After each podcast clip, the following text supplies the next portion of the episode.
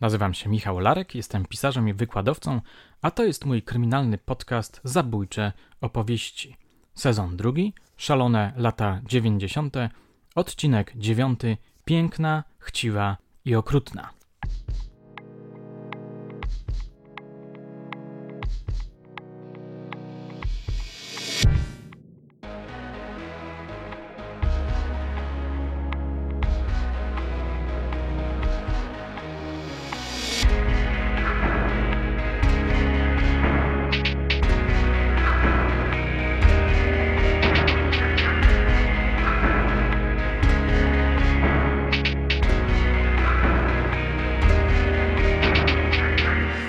Wielka miłość, wielkie pieniądze, wielka nienawiść. Takimi sugestywnymi słowami posłużył się obrońca w trakcie procesu stanowiącego mocną puentę historii, którą dzisiaj zamierzam Wam opowiedzieć. Historii, która może stanowić swoistą wizytówkę szalonych lat 90. Mamy tu wielką fortunę zbudowaną w niezbyt legalny sposób, mamy namiętny romans, zdradę, wielkie pieniądze ulokowane na licznych kontach w luksemburskim banku, no i zemstę, którą zorganizowała jasnowłosa femme fatale. Warto też wspomnieć, że dla policji historia ta była frapującym wyzwaniem. Niby prosta, ale jednak trudna. Gdyby nie zdecydowano się na pewien ryzykowny ruch, być może sprawcy do dzisiaj pozostaliby niewykryci, a przynajmniej nie udowodniono by im winy. Myślę, że na kanwie tej historii można by stworzyć bardzo emocjonującą powieść albo film. Pisząc ten podcast, cały czas zastanawiałem się, kto mógłby zagrać ową piękną, chciwą i okrutną kobietę. Z kronikarskiego obowiązku nadmienię, że oparłem się głównie na opowiadaniu dokumentalnym Rewanż autorstwa Miłosława Czarneckiego, poznańskiego oficera, który w swojej książce zatytułowanej Wydział opisał kilka bardzo ciekawych śledztw z lat 90., anonimizując bohaterów i zamazując dokładne adresy. Polecam gorąco. A teraz do rzeczy posłuchajcie.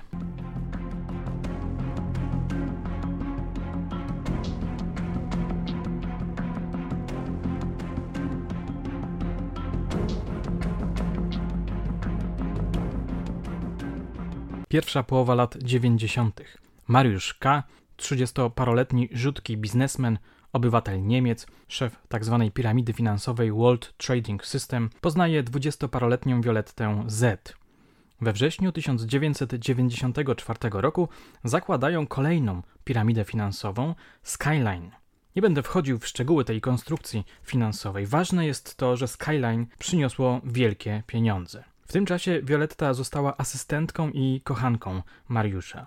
Sukces finansowy splótł się z wybuchem namiętności. To ważny aspekt tej historii. Mając zapewniony dochód, pisze Czarnecki w swoim opowiadaniu, postanowili wybudować dom usytuowany w peryferyjnej willowej dzielnicy miasta. Mieli w nim wkrótce zamieszkać i snuli dalsze plany ułożenia wspólnego życia. To miasto to Poznań, dodam, dzielnica to Smochowice, a dokładny adres to ulica Kwidzyńska 4. Na YouTubie znajdziecie dokument z serii Miejsca Przeklęte na temat tej sprawy zatytułowany właśnie Kwidzyńska 4. Warto obejrzeć. Niestety życiowe plany, o których wspomina Czarnecki, okazały się jedynie mrzonką. W pewnym momencie nastąpił nieoczekiwany zwrot akcji, który w konsekwencji doprowadził do tragedii. W 1997 roku Skyline przechodzi kryzys.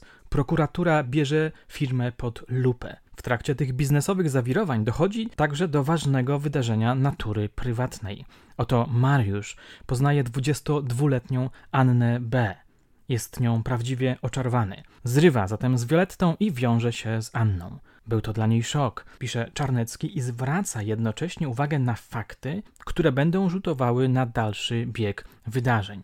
Traciła nagle nie tylko życiowego partnera, ale także związany z nim wysoki status materialny.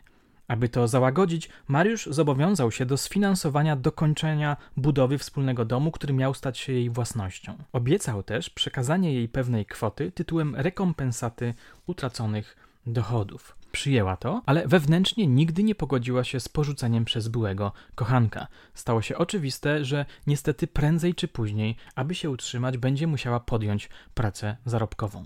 Autor Dodaje jeszcze, że Violetta zaczęła jednak stwarzać iluzję pogodzenia się z tą sytuacją i wydawało się, że pozostali w przyjacielskich relacjach. W dokumencie Kwidzyńska 4 mowa jest o tym, że Violetta miała drapieżny i zaborczy charakter. Możemy się domyślić, że gwałtowne zerwanie dla młodszej dziewczyny, które Violetta poczytała zapewne za zdradę, jest zarazem zawiązaniem akcji kryminalnego dramatu. Nasuwa się znana klisza mówiąca, że zraniona kobieta może być niezwykle niebezpieczna. W historii tej rzeczywiście taką się okazała. Niebezpieczną i bezwzględną. Jestem niezwykle ciekawy, co wówczas działo się w jej umyśle, jak wyglądał proces dochodzenia do zbrodniczego planu.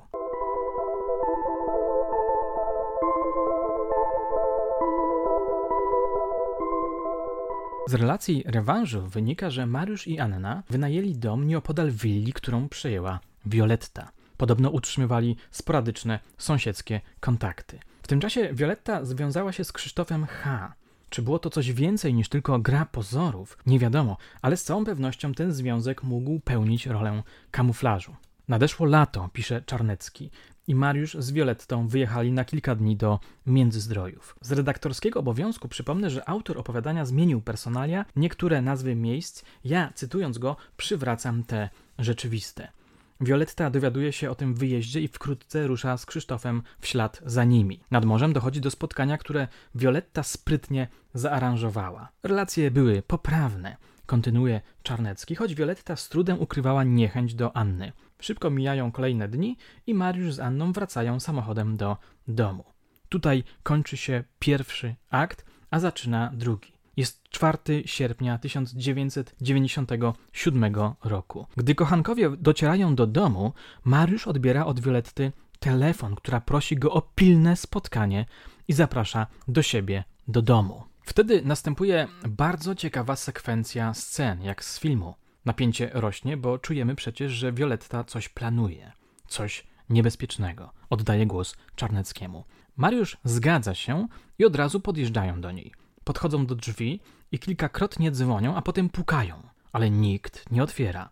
Zdziwieni tą sytuacją jadą więc do siebie. Tam po podróży przebierają się w domowe ciuchy, Mariusz wkłada dres, a Anna idzie zaraz do kuchni przygotowywać posiłek. Krótko potem do Mariusza ponownie dzwoni Violetta, która wyjaśnia, że nie otworzyła im drzwi do domu, ponieważ nie chciała, żeby w rozmowie brała udział Anna. Następnie natarczywie jeszcze raz zaprasza go do swojego domu, ponieważ sprawa, którą chce omówić, jest bardzo pilna. Równocześnie zaznacza, że rozmowa będzie krótka, a zatem zdąży on jeszcze wrócić na obiad. Mariusz informuje o tym Annę i uzgadniają, że wyjdzie tylko na 15 czy 20 minut. Żeby nie tracić czasu, wsiada w dresie do samochodu, nie zabierając nawet ze sobą dokumentów. Wszak to tylko 3, może 4 minuty jazdy. Interesujące, prawda? Do czego zmierza Violetta? Jaki jest jej plan? Chce go wciągnąć w pułapkę i zrobić mu krzywdę?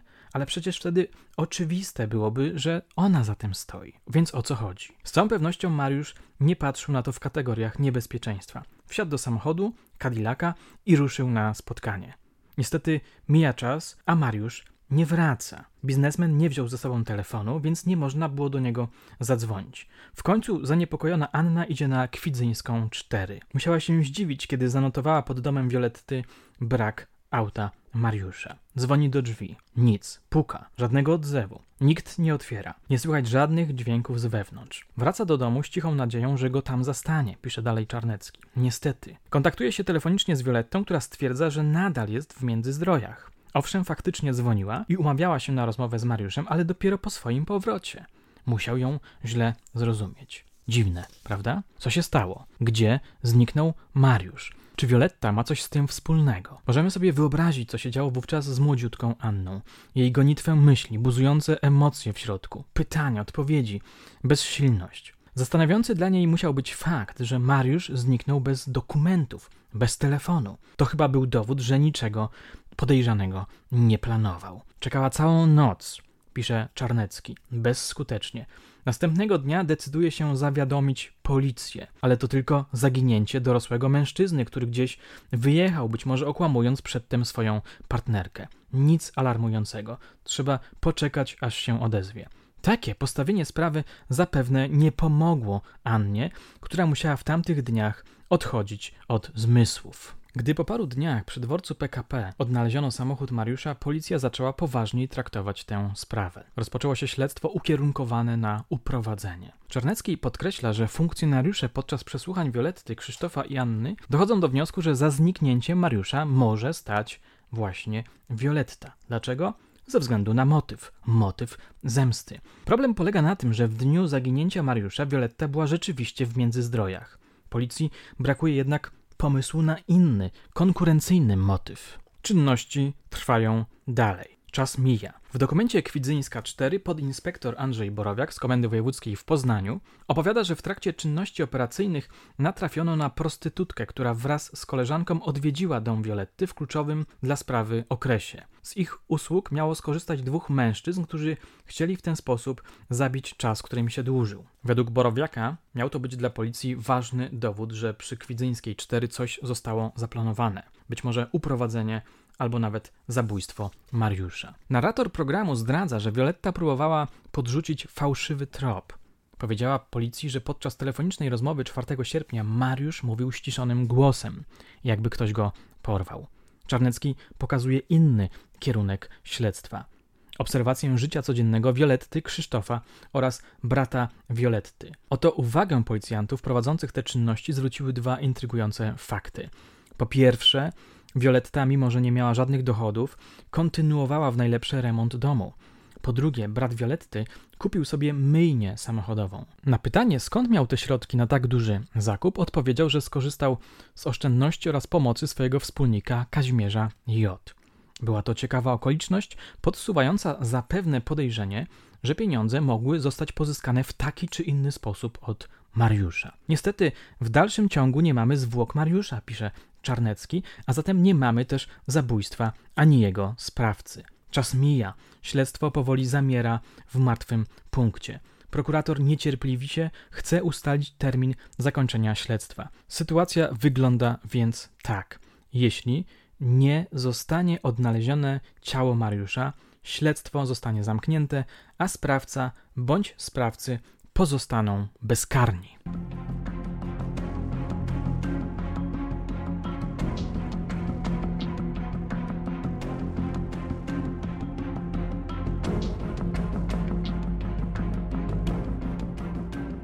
Policjanci oczywiście nie chcieli tak łatwo się poddać. Któregoś razu, pisze Czarnecki, siadamy razem i ponownie rozpatrujemy wszystko, szczegół po szczególe. Może ktoś wpadnie na pomysł, może dostrzeżemy jakiś błąd. W pewnym momencie staje się oczywiste, że jedyną szansą, mimo braku dowodów, jest działanie takie, jakbyśmy właśnie je mieli. I to bardzo mocne. Tylko to może rozsadzić zmowę milczenia wokół Violetty. Zapada decyzja dość ryzykowna, ale nie było już innej opcji. O zatrzymaniu całej czwórki, czyli Violetty, jej partnera, jej brata oraz Kazimierza J. Na co liczą policjanci? Na to, że któryś z nich nie wytrzyma presji, złamie się i coś zdradzi. Przypominam wam, że w poprzednich odcinkach zabójczych opowieści, w zleceniu na męża oraz w młodych mordercach z międzychodu zastosowano podobny chwyt z pozytywnym skutkiem. Wychodzi na to, że takie niespodziewane zatrzymania przynoszą niekiedy dobre efekty. W sytuacji dużego napięcia emocjonalnego, narastającej niepewności, szoku, że policja jednak zna prawdę, niektórzy przestępcy po prostu pękają, rozpruwają się łatwo. Najpierw więc zatrzymano brata Violetty oraz jego wspólnika Kazimierza J. Zadbano o to, żeby informacja o tym zdarzeniu dotarła do Violetty. Plan był taki, żeby dokładnie obserwować jej zachowanie po zatrzymaniu. Niech się obawia, kontynuuje Czarnecki, może popełni błędy, może zdenerwuje ją niepewność. Dlaczego oni? Co powiedzą? I rzeczywiście, Violetta po tym zatrzymaniu nie próżnuje. Policjanci uzyskują informację, że kobieta próbuje dowiedzieć się, która jednostka dokonała zatrzymania i chce w tej sprawie interweniować. W tym samym czasie zatrzymani mężczyźni zostają poddani przesłuchaniom. W końcu Kazimierz J pęka i zaczyna sypać. Dla funkcjonariuszy było to sporą niespodzianką. Obstawiali bowiem, że najsłabszym ogniwem okaże się partner Violetty Krzysztof. Gwałtowne zatrzymanie znowu zatem zadziałało. Wyobrażam sobie ulgę policjantów. Napisałem maila do Miłosława Czarneckiego w tej sprawie, podkreślając, że to kolejne opisane przez niego postępowanie, w którym zagrano wabank. Masz rację, że poszliśmy znowu w bank, ale nie było innego wyjścia wobec braku ciała i dowodów, że w ogóle dokonano zabójstwa. Nie mieliśmy co do tego wątpliwości, ale szczęście nam sprzyjało, bo gdyby nie, to inspiratorka już szykowała skargę do prokuratury. Emocji więc nie brakowało. Ale do rzeczy. Kazimierz J. przyznał się, że inspiratorką i pomysłodawczynią zabójstwa była Violetta. Posłuchajcie relacji autora opowiadania. Wiedziała, iż po jego zniknięciu będzie główną podejrzaną, dlatego zapewniła sobie alibi wyjeżdżając do Międzyzdrojów. Do udziału w zbrodni namówiła swojego brata i właśnie Kazimierza J., kusząc ich dużymi korzyściami finansowymi, które spodziewała się wyciągnąć z konta w Luksemburgu. Feralnego dnia obaj czekali w jej domu na przyjazd Mariusza, zwabionego telefonem od Violetty. Gdy jednak pojawił się on w towarzystwie Anny, nie otworzyli drzwi. Zawiadomili Violettę, która po krótkim czasie jeszcze raz zatelefonowała do Mariusza, zapraszając go na pilne spotkanie. Oto więc mamy wyjaśnienie dziwnych scen, które najpierw oglądaliśmy z punktu widzenia Mariusza oraz Anny. Gdy przyjechał sam, pisze dalej Czarnecki, drzwi otworzył brat Violetty i wprowadził go do środka, tłumacząc, że Violetta czeka na niego w salonie. We wnętrzu zaczajony Kazimierz zaatakował go, kilkakrotnie uderzając metalową rurką w głowę. Gdy stwierdzili, że nie żyje, telefonicznie powiadomili Violettę o wykonaniu planu. Wcześniej ustalono, że zakopią ciało w lesie, ale nic nie mówiąc Violetcie zmienili plan. Obawiali się, że ktoś może ich przy tym zobaczyć i sytuacja się skomplikuje. Ponieważ podłoga w kuchni domu Violetty nie była jeszcze położona, postanowili tam ukryć zwłoki. Wykopali głęboki dół, zepchnęli ciało i zasypali. Następnego dnia wylali na to zaprawę cementową, tworząc betonową posadzkę, na której położono kafelki. Nie było żadnego śladu, że Mariusz w ogóle tam był. Gdy Violetta po dwóch dniach wróciła z Międzyzdrojów, była przekonana, że jej byłego partnera zakopano w lesie. Podinspektor Borowiak mówił w telewizyjnym dokumencie, że Kazimierz, chcąc wytłumaczyć, dlaczego wykalfelkował jej kuchnię, oznajmił, że to jest prezent. Po tym niezwykle owocnym przesłuchaniu policja wykonuje dwa ważne ruchy. Po pierwsze, zatrzymuje Violettę oraz Krzysztofa. Po drugie, przeprowadza wizję lokalną w domu przy Kwidzyńskiej 4. Trzeba było sprawdzić, czy Mariusz rzeczywiście leży pod wykafelkowaną kuchnią. Tak mi ją opisał Czarnecki w mailu. Wizja lokalna przy udziale sprawcy zabójstwa rozpoczęła się w późnych godzinach wieczornych i trwała prawie całą noc. Podczas niej sprawca opowiedział przebieg zbrodni i wskazał miejsce zakopania zwłok pod posadzką w kuchni. Następnie przystąpiono do rozbierania posadzki, a po jej zdjęciu do kopania dołu w celu odnalezienia ciała. Trwało to dosyć długo, bo schowane było głęboko. Napięcie było ogromne. Gdy wreszcie to nastąpiło, ciśnienie z nas zeszło i oprócz satysfakcji poczuliśmy też ogromne znużenie kilkunastogodzinną pracą. Do domu wracaliśmy około piątej rano. A zatem udało się znaleźć i zabezpieczyć ciało Mariusza K. Policja odniosła kolejny sukces. Następnego dnia brat Violetty potwierdza wyjaśnienia Kazimierza. Następny punkt dla policji. Co ciekawe, Krzysztof podczas przesłuchania wszystkiego się wypiera. Narrator Kwidzyńskiej 4 mówi, że był on zszokowany faktem, iż nieświadomy mieszkał z trupem pod podłogą. Jako ostatnia przesłuchiwana jest Violetta, którą później media nazwą piramidką. Początkowo wszystkiemu zaprzecza. Jest w tym nieugięta. Prawdziwa femme fatale. W patowej sytuacji naczelnik Wydziału Dochodzeniowo-Śledczego postanawia odwołać się do triku psychologicznego. Funkcjonariusze pokazują Violetcie nagranie przedstawiające wydobywanie z ciała Mariusza jej byłego kochanka z dołu wykopanego w jej nowej kuchni. Na ten widok mdleje. Ściągamy pielęgniarkę, która daje jej coś do picia, pisze Czarnecki. Po kilku minutach jest już przytomna, ale nadal w szoku. Właśnie uświadomiła sobie, że od wielu miesięcy mieszkała i gotowała posiłki na grobie swojego byłego kochanka. Tego jednego nie przewidziała. Przecież zwłoki miały być ukryte w lesie. Misterny plan zawalił się w jednej chwili. Po tym incydencie Violetta zmienia swoją postawę, przyznaje się do winy i przedstawia swoją wersję wydarzeń. Jako główny motyw mordu podaje narastającą potrzebę zemsty. Chciała też oczywiście przejąć pieniądze zamordowanego kochanka, który zniszczył jej świat. Istotą planu, jak pisze Czarnecki, było ukrycie zwłok w taki sposób, by nie dało się udowodnić zabójstwa. Być może, gdyby jednak ciało wywieziono do lasu, sprawa ta miałaby zupełnie inny finał. Prawie się udało. Takie są ostatnie słowa opowiadania Rewanż. W czerwcu 2000 roku skończył się proces w sprawie zabójstwa Mariusza K. Violetta Z została skazana na 15 lat więzienia. Jej częste wyjścia na przepustki oburzyły opinię publiczną. Polecam artykuł Zabójczyni na przepustce autorstwa Dariusza Bieleszczuka. Kazimierz J. na 25 lat, a brat Violetty Z. Mariusz Z. na 12 lat. Temu pierwszemu, jak wyczytałem w artykule Bieleszczuka, sąd apelacyjny złagodził karę do 11 lat i 11 miesięcy. Natomiast narzeczony inspiratorki mordu, Krzysztof H., został skazany na 4 lata. Z tego co wiem, wszyscy przebywają obecnie już na wolności. Violetta wyszła za mąż za mężczyznę, którego poznała w więzieniu, przybierając jego nazwisko. Andrzej Reichelt, znany poznański adwokat, powiedział w przywoływanym przeze mnie telewizyjnym dokumencie, że według niego głównym motywem kierującym Violettą były jednak pieniądze.